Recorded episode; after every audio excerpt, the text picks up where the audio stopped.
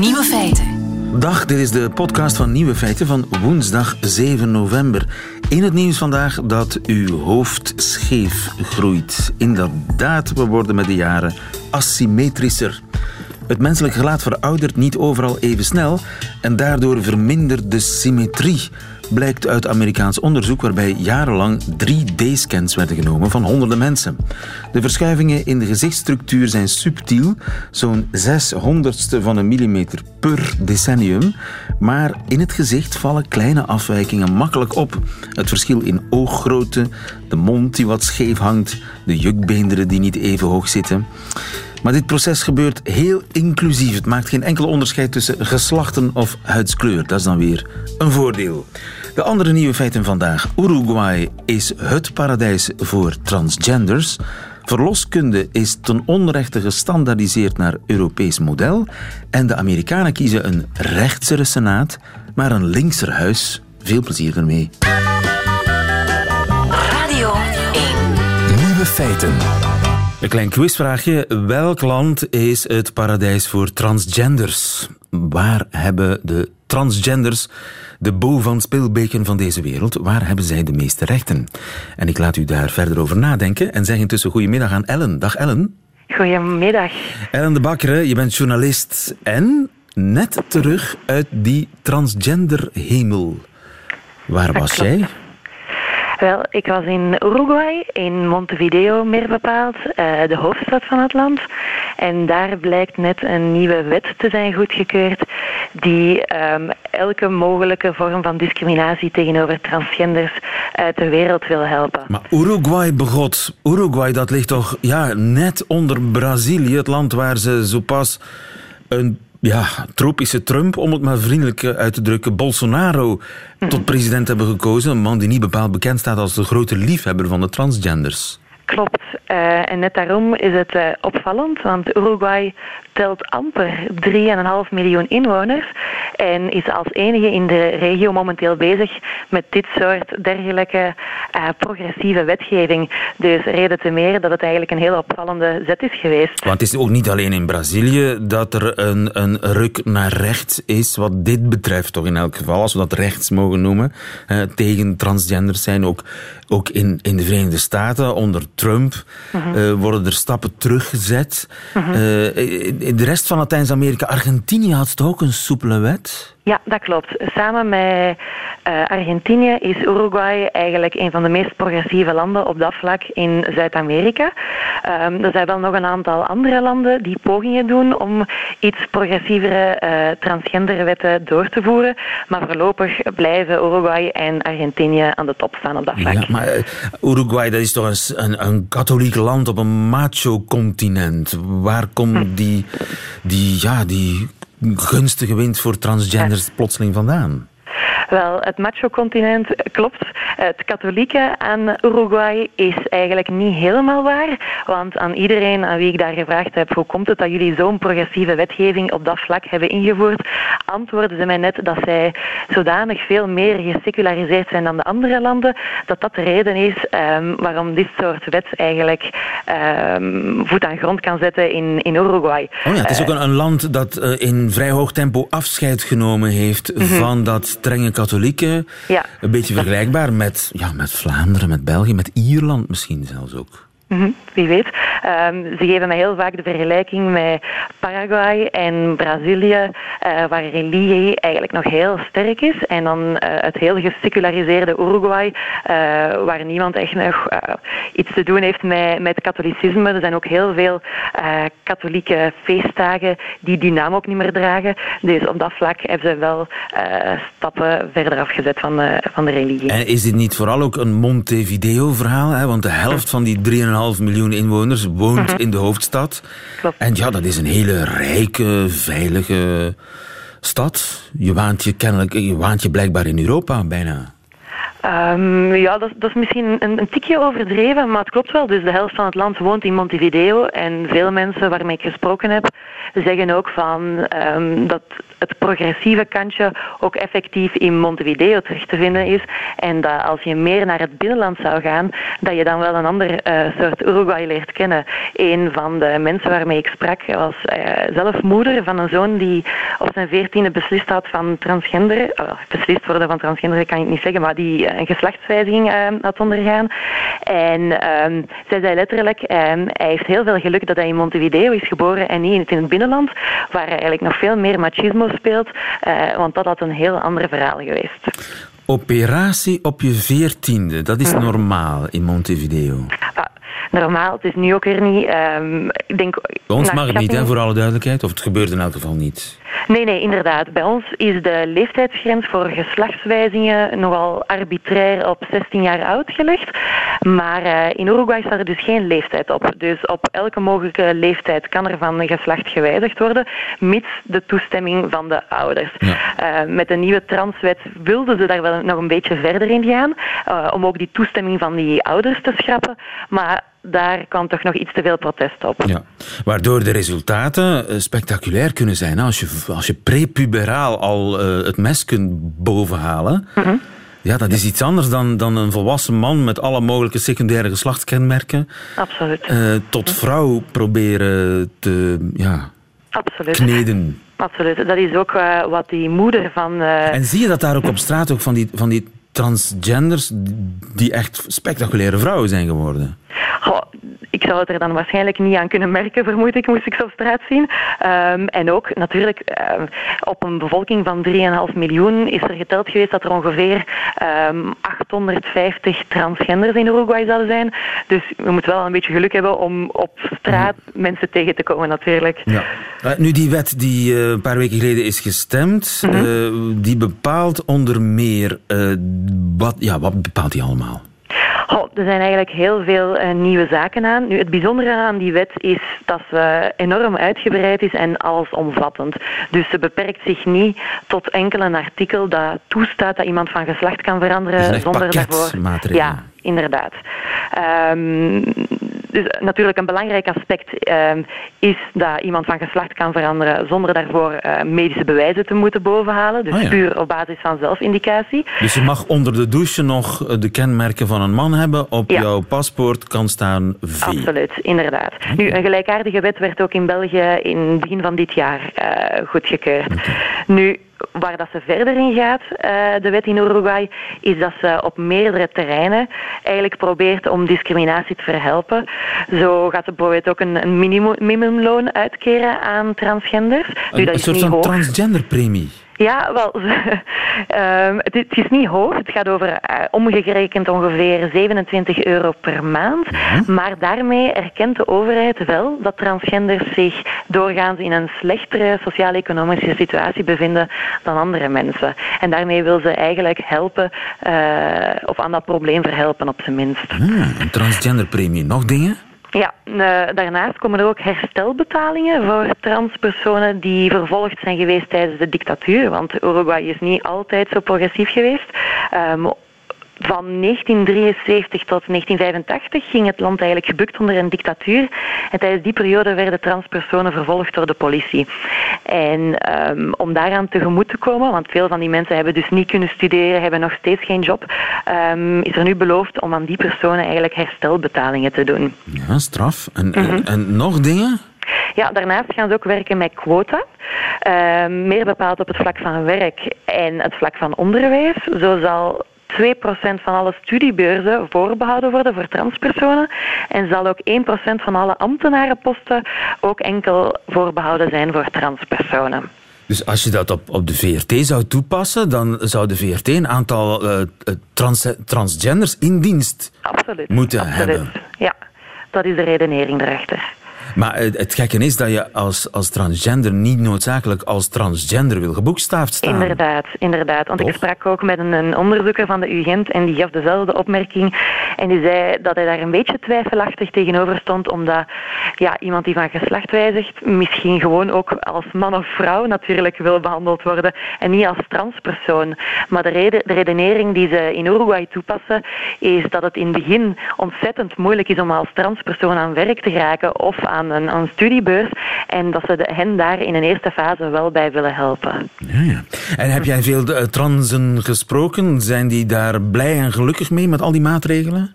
Uh, absoluut. Ik heb iemand gesproken die ook uh, lid was van een actiegroep, Ovegas Negras heette die, um, die dus effectief strijden om die wet um, goedgekeurd te krijgen. En uh, die man was natuurlijk ontzettend blij.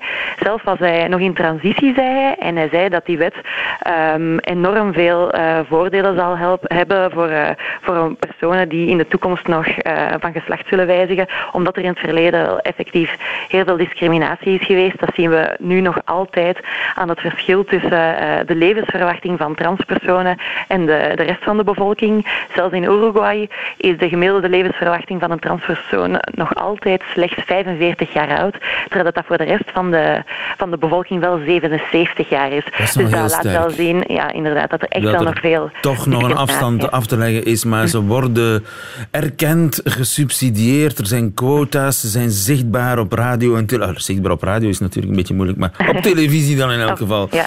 Uruguay, paradijs voor transgenders. Ellen de Bakkeren, dankjewel. Goedemiddag. Dank u. Dag.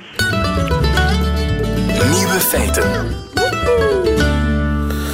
Tja, de handboeken verloskunde die moeten herschreven worden, of toch tenminste geüpdate, want kennelijk zijn blanke geboortekanalen net iets anders gebouwd dan zwarte geboortekanalen. Dirk Drouwlands, goedemiddag. Goedemiddag, lieven. Dirk Drouwlands, bioloog en uh, vandaag toch tenminste geboortekanalen-specialist, knakjournalist ook. Hè? Het is nieuw onderzoek dat aantoont dat uh, de bouw van het bekken anders is bij witte mensen dan bij zwarte mensen. Dat verbaast mij. Wat is het verschil? Ja, het verschil is inderdaad het, uh, een, uh, een, redelijk opvallend als je die studie en proceedings of de Royal Society B leest. Uh, het verschil is ruw samen te vatten. er zit heel veel variatie op, maar ruw samen te vatten is het bekken, dus, dus alles wat het met het baarmoederkanaal te maken, het geboortekanaal te maken heeft, ehm, dieper bij zwarte vrouwen. Het is te zeggen vooral lang van rug naar buik, terwijl het bij Europese en Noord-Amerikaanse vrouwen breder is. Dus van links naar rechts eigenlijk. Ja, ja dus witte bekkens zijn breder. Ik probeer het mij voor te stellen als een kast, een bredere kast. Zwarte bekkens zijn smaller, dieper. maar dieper. Ja, Meer ja, ruimte ja. tussen buik en rug, tussen voor en achter. En is dus dat overigens, uh, sorry, maar is dat uh, alleen bij vrouwen zo of is dat ook bij mannen zo? Ah, daar hebben ze niet naar gekeken. Hè. Dus het, eh, de- in de studie hebben ze alleen naar, naar een 350-tal vrouwenbekkens gekeken. Precies omdat ze... Enfin, ze zijn eigenlijk vertrokken omdat ze vinden, eh, dus zwarte en ook Aziatische vrouwen, die zitten mee in het zwarte systeem. Die zitten zo wat vroeger in de evolutie van de mens. De mensheid is, de moderne mens is 200.000 jaar geleden in Afrika ontstaan. En dan Afrika gaan verlaten, eerst Azië in en dan pas later in Noord-Amerika terechtgekomen en in West-Europa terechtgekomen. Dus de, de Afrikanen en de Aziaten zitten in hetzelfde systeem en de Europeanen en Noord-Amerikanen ook. De- Ah, en is dat dan het, de verklaring ook voor het verschil, namelijk evolutie, Darwin? Dat is wat dat men dacht. En er zijn dus eh, er zijn ook, ook een, een, een reeks eh, rare eh, principes rond, eh, rond dat geboortekanaal. Wij hebben bijvoorbeeld een heel zware bevalling in vergelijking met, eh, met andere apen. En dat komt voor een deel omdat wij rechtop zijn gaan lopen, is de theorie, waardoor dat, dat bekken gekanteld is en dus die, dat geboortekanaal wat smaller is geworden. En daarboven zijn we slimmer geworden, zodat we grotere kopjes gekregen hebben, waardoor dat die baby's echt letterlijk in de flessenhals terechtkomen. En eh, die onderzoekers wilden eens kijken of ze aanwijzingen voor die theorie konden vinden, hè, van, die, van, die, van die evolutionaire veranderingen. En zo zijn die naar die bekkens gaan kijken en dan hebben die eigenlijk dus die grote verschillen ehm, eh, onder, eh, gevonden, ontdekt. En zij, zij, zij zien er niet direct een evolutionair aspect in. Ze denken dat dat eerder een toevallige ontwikkeling is geweest. Wat dat kan. Er gebeuren toevallige dingen in de evolutie. En als die dan geen nadeel hebben, worden die niet weggeselecteerd. Maar ze hebben dan ook geen voordeel. Maar ze zitten erbij. De consequenties zitten wel in de moderne bevalling. Ja, ja. Omdat dus de, de, dus de gynaecologische handboeken zijn allemaal gebaseerd op Europese bekkens. Omdat ze die dus echt... En, en, en Amerikaanse, hè, dus hetzelfde verhaal. Omdat ze die heel in detail hebben onderzocht. En pas sinds kort, hè, sinds deze studie meer bepaald, de publicatie van deze studie, vindt men dus dat dat voor zwarte vrouwen anders is. Oké, dus de bevalling is eigenlijk gestandaardiseerd naar Europees model. Ja. Maar dat, dat verschil in bekkenstructuur heeft consequenties voor de manier waarop de foetus zijn uh, ja, eerste reisje maakt door dat bekken naar de buitenwereld zeer correct, lieven. En de studie is ook gemaakt door, eh, door Amerikaanse dames, hè, die, dus, eh, die dus nu inderdaad conclusie trekken. men ziet sowieso drie tot vier keer meer complicaties tijdens de bevalling bij zwarte Amerikaanse vrouwen dan bij blanke. Dat is, dat zo? Nou, dat staat in die studie, hè. Dus, het, dus blijkbaar zijn daar cijfers. En als je dan verder gaat kijken naar die studies waarop dat zij zich baseren, dat zijn zeer opvallende verschillen. Dat heeft natuurlijk met meer te maken dan met dit. Dat heeft met armoede te maken, met toegang tot goede gezondheidszorg en zo. Dus eh, dat is evident. Maar ze zien dus ook effectief een probleem eh, rond, rond het feit dat gynaecologen nog te veel een Europese eh, geboortekanaal in hun hoofd hebben als ze met een zwarte vrouw die met een zwangerschap, een geboorte, een bevallingscomplicatie zit. Want men gaat die kleine proberen te draaien in een soort Europese richting, verlosstangen en zo. Men gaat misschien gemakkelijker een keizersnede gaan doen, omdat ze denken van die kleine ligt verkeerd, terwijl die kleine voor die specifieke baarmoeder, eh, voor dat specifieke baarmoeder- en geboortekanaal, dus bekkencomplex eigenlijk, misschien wel goed ligt. Ja, ja want op, op zijn reis uh, moet die boorling een paar keer draaien en keren, hè, om door de diverse ja, engten te geraken. En dus bij zwarte vrouwen zou dat, dat bochtenwerk dus iets anders moeten verlopen dan bij witte vrouwen. En daar wordt uh, niet genoeg rekening mee gehouden. Dus de verloskundigen moeten op bijscholing. Ja, en voor onze situatie, om het, uh, om het, uh, ik heb dat eens nagegaan, in die studie wordt er ook specifiek naar Noord-Afrika gekeken. En dus omdat wij toch met een substantiële Noord-Afrikaanse gemeenschap zitten, die sluit gelukkig tussen aanhalingstekens aan bij de Europese. Dus, het, uh, dus, dus wat dat betreft stelt het probleem zich bij ons minder dan in de context van Noord-Amerika, waar men dus echt met die letterlijk in dit geval ook zwart-wit uh, tegenstelling zit. Ja, dus we zitten eigenlijk met koloniale verloskundes, hè, om het sterk uit te drukken. Ja, en ik denk dat dat in de geneeskunde nog wat meer het geval zal zijn. Hè. Er, zijn er zijn er klassieke voorbeelden van. Heel veel studies, ook op medicijnen, gebeuren uitsluitend op mannen. En, eh, en omdat dat gemakkelijker is, omdat die geen hormonale en andere veranderingen hebben in de loop van de cyclus. Dus Witte eh, mannen dan? Blanke mannen dan nog in veel gevallen, die dat dan automatisch getransplanteerd worden, die resultaten naar vrouwen, naar zwarte mannen, naar kinderen. En, en, en eh, men, ondertussen begint men dus te beseffen dat dat niet altijd even evident is en probeert men daar iets aan te doen. Maar uh, dit is er ook weer een klassiek voorbeeld van. Hè. De wetenschap is te lang gebaseerd geweest op, uh, op, op de wereld van de wetenschappers zelf. En dat waren dan Europeanen en Amerikanen. Et pour les noirs la même chose, als het ware. Voilà. Dirk voilà. Drouwlands, dankjewel. Goedemiddag. Goedemiddag, lieven. Nieuwe feiten. Lieven van den Houten. Een referendum over Trump zouden ze worden, die Amerikaanse tussentijdse verkiezingen. Maar Michiel Vos, goedemorgen trouwens in New York. Goedemorgen. Lieven, ik ben in Washington. Oh, je bent in Washington? Ook goed, nog beter. Ja, want ik zag je kindertjes op televisie, maar daarover later meer. Uh, ik zit hier de uitslag te bestuderen, Michiel Vos, over dat zogenaamde referendum over Trump. En ik besluit dat de Amerikanen gestemd hebben voor een Trump-senaat en een anti-Trump-huis. Tot zover het referendum over Trump. ik moet lachen, want je hebt helemaal, gelijk. Het is een soort, inderdaad, een bizarre uitslag. Het is een gespleten land met een gespleten uitslag in een gespleten tweekamerstelsel. Ja, maar die gespletenheid zit dus als het ware ook in de individuele Amerikaan die voor het huis tegen Trump gestemd heeft en voor de Senaat voor Trump. Ik begrijp daar niets van. Ja, het, het, het is een beetje zo dat je die kleinere huisdistricten, die zijn kleiner, die zijn ongeveer 600.000 Amerikanen groot. Daarvan zijn er 435, dus die zijn lokaler. En een huisdistrict, sommige daarvan zijn nu van republikeinse handen in democratische handen overgegaan. Met name suburbs, ja, zogenaamde suburbs, die wat hoger opgeleid zijn, wat bovenmodaal inkomen hebben, die zijn nu van republikeins. Een aantal daarvan zijn nu naar in democratische handen overgegaan. Juist. Maar statewide, dat is nog steeds een grotere geografische eenheid met meerdere inwoners in veel gevallen. Staten blijven gewoon door de rurale, door de plattelandsfactor nog steeds in dat geval in rode handen, in republikeinse handen.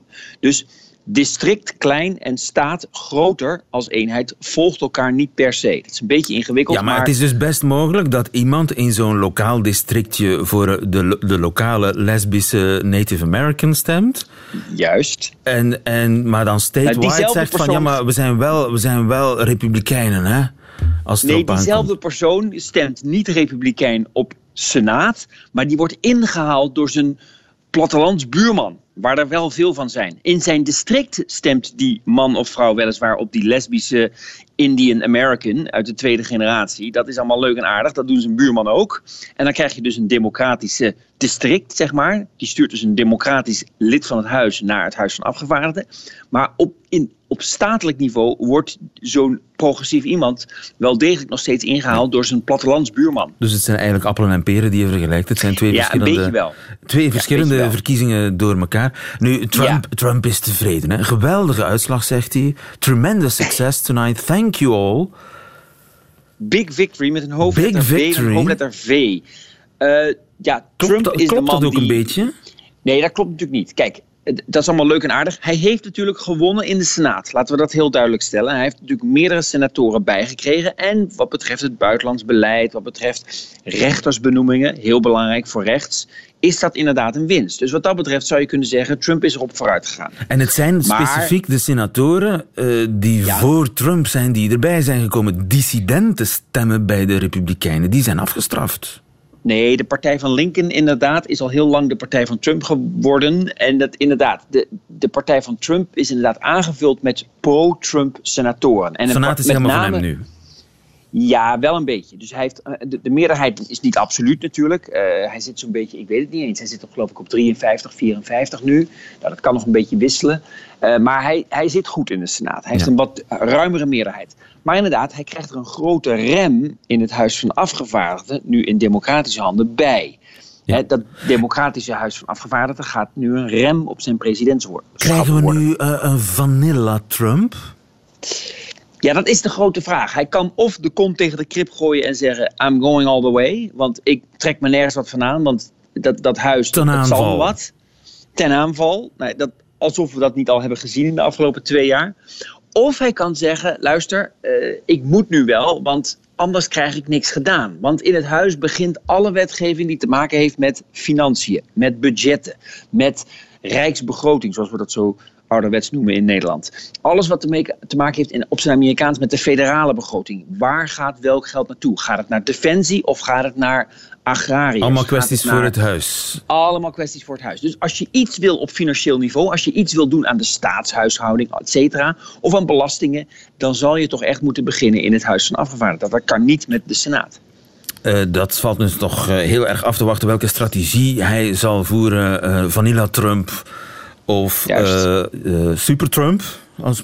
Vanilla Trump of Super Trump. Heel goed, juist. Nu, mevrouw, mevrouw, uw schoonmoeder, die was ook heel blij. Hè? Laten we eens luisteren naar Nancy Pelosi. With this new Democratic majority, we'll honor the vision of our founders, remembering that we are one country.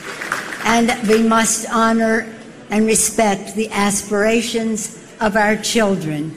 Elections are about the future and what we do for our children's future. So thank you all for making the future better for all of America's children. God bless you. God bless America. Thank you all very much. 78 is ze intussen Nancy Pelosi met een verzoenende boodschap toch. Dus zij nodigt Trump uit tot, eh, ja, tot vervelling naar Vanilla Trump.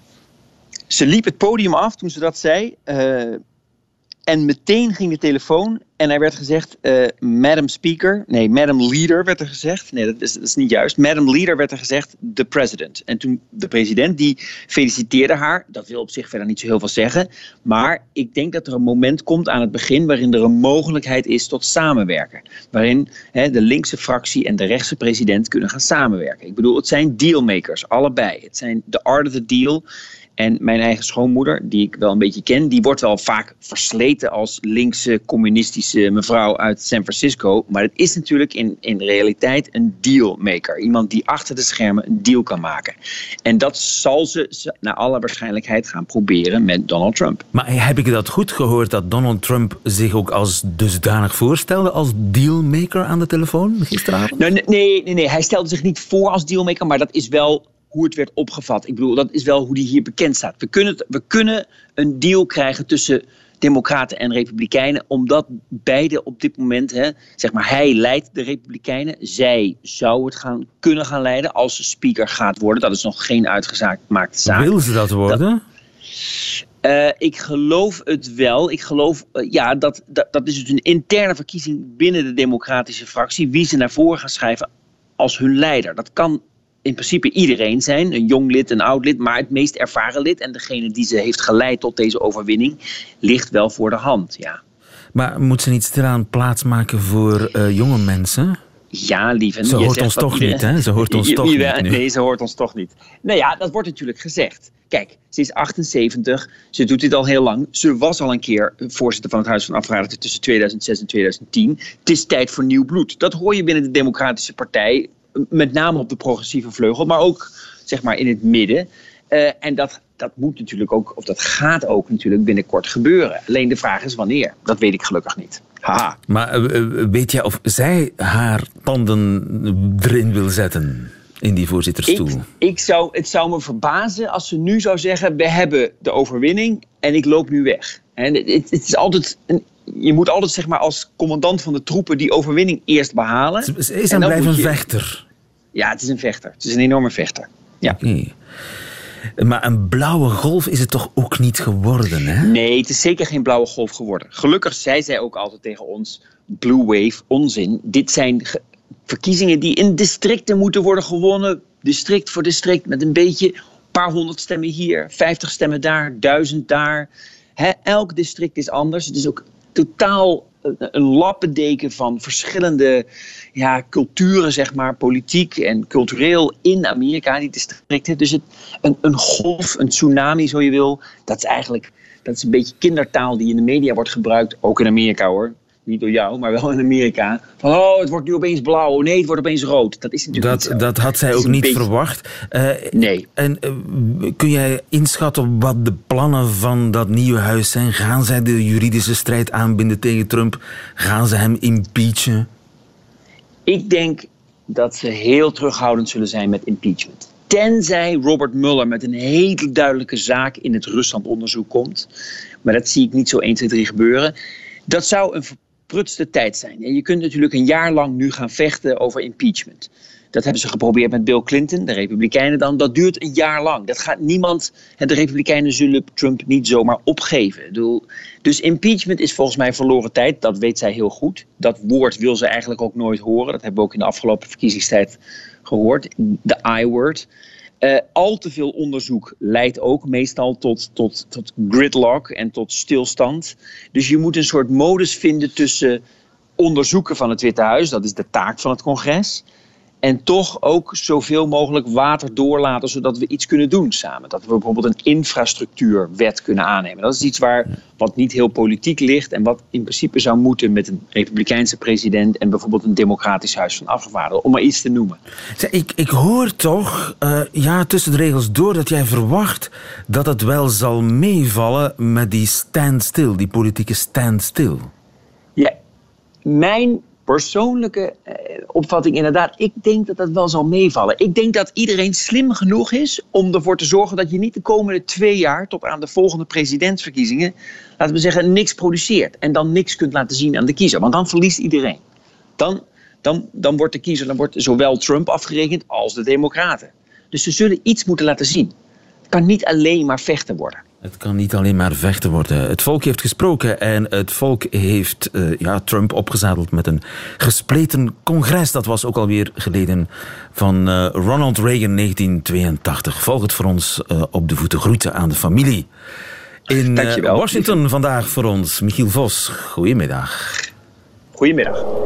Nieuwe feiten. Middagjournaal. Beste luisteraars. Laat ik heel eerlijk zijn, het maakt mij geen ene moer uit wie er in de Verenigde Staten wel of niet is gekozen. Ik kan natuurlijk dagenlang krantenartikelen gaan lezen, ik kan documentaires gaan bekijken, ik kan alles duiden en mijzelf dan een solide mening vormen over de machtspolitiek in Amerika. Maar dat is helemaal niet nodig. Ik was namelijk enkele jaren geleden in San Antonio, Texas. Daar wilde ik een hoedje kopen. De cowboyhoedenwinkel zag er aan de buitenkant erg intimiderend uit. Dat was nou niet iets waar je even lekker op je gemak naar binnen liep. Ik bereidde mij voor op het ergste. Ik sloot het bij voorbaat niet uit dat de eigenaar eerst met een lampje in mijn kont ging kijken voordat ik zijn winkel in mocht.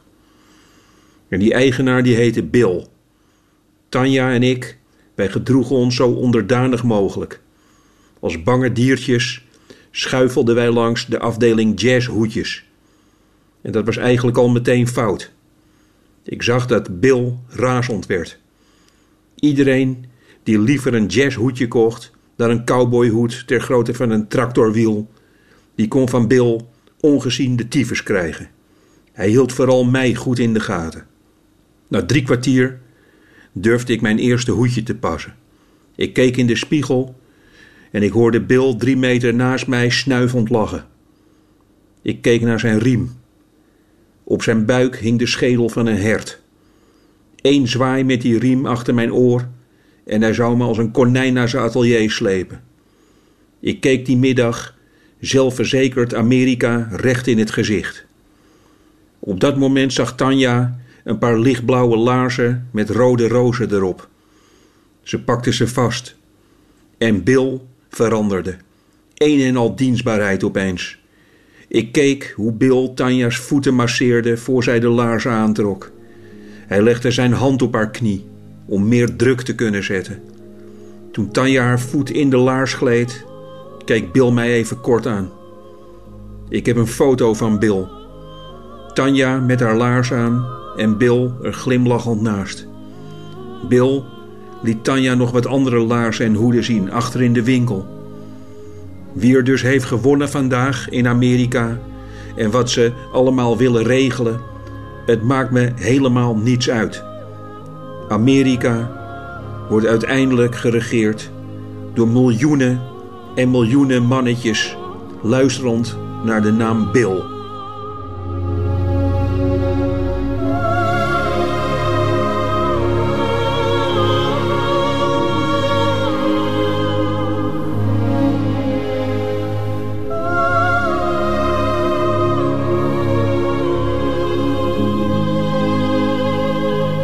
Middagjournaal met Nico Dijkshoorn. Meteen het einde van deze podcast, maar u vindt er nog veel meer op radio1.be en op alle gebruikelijke podcastkanalen. Tot volgende keer.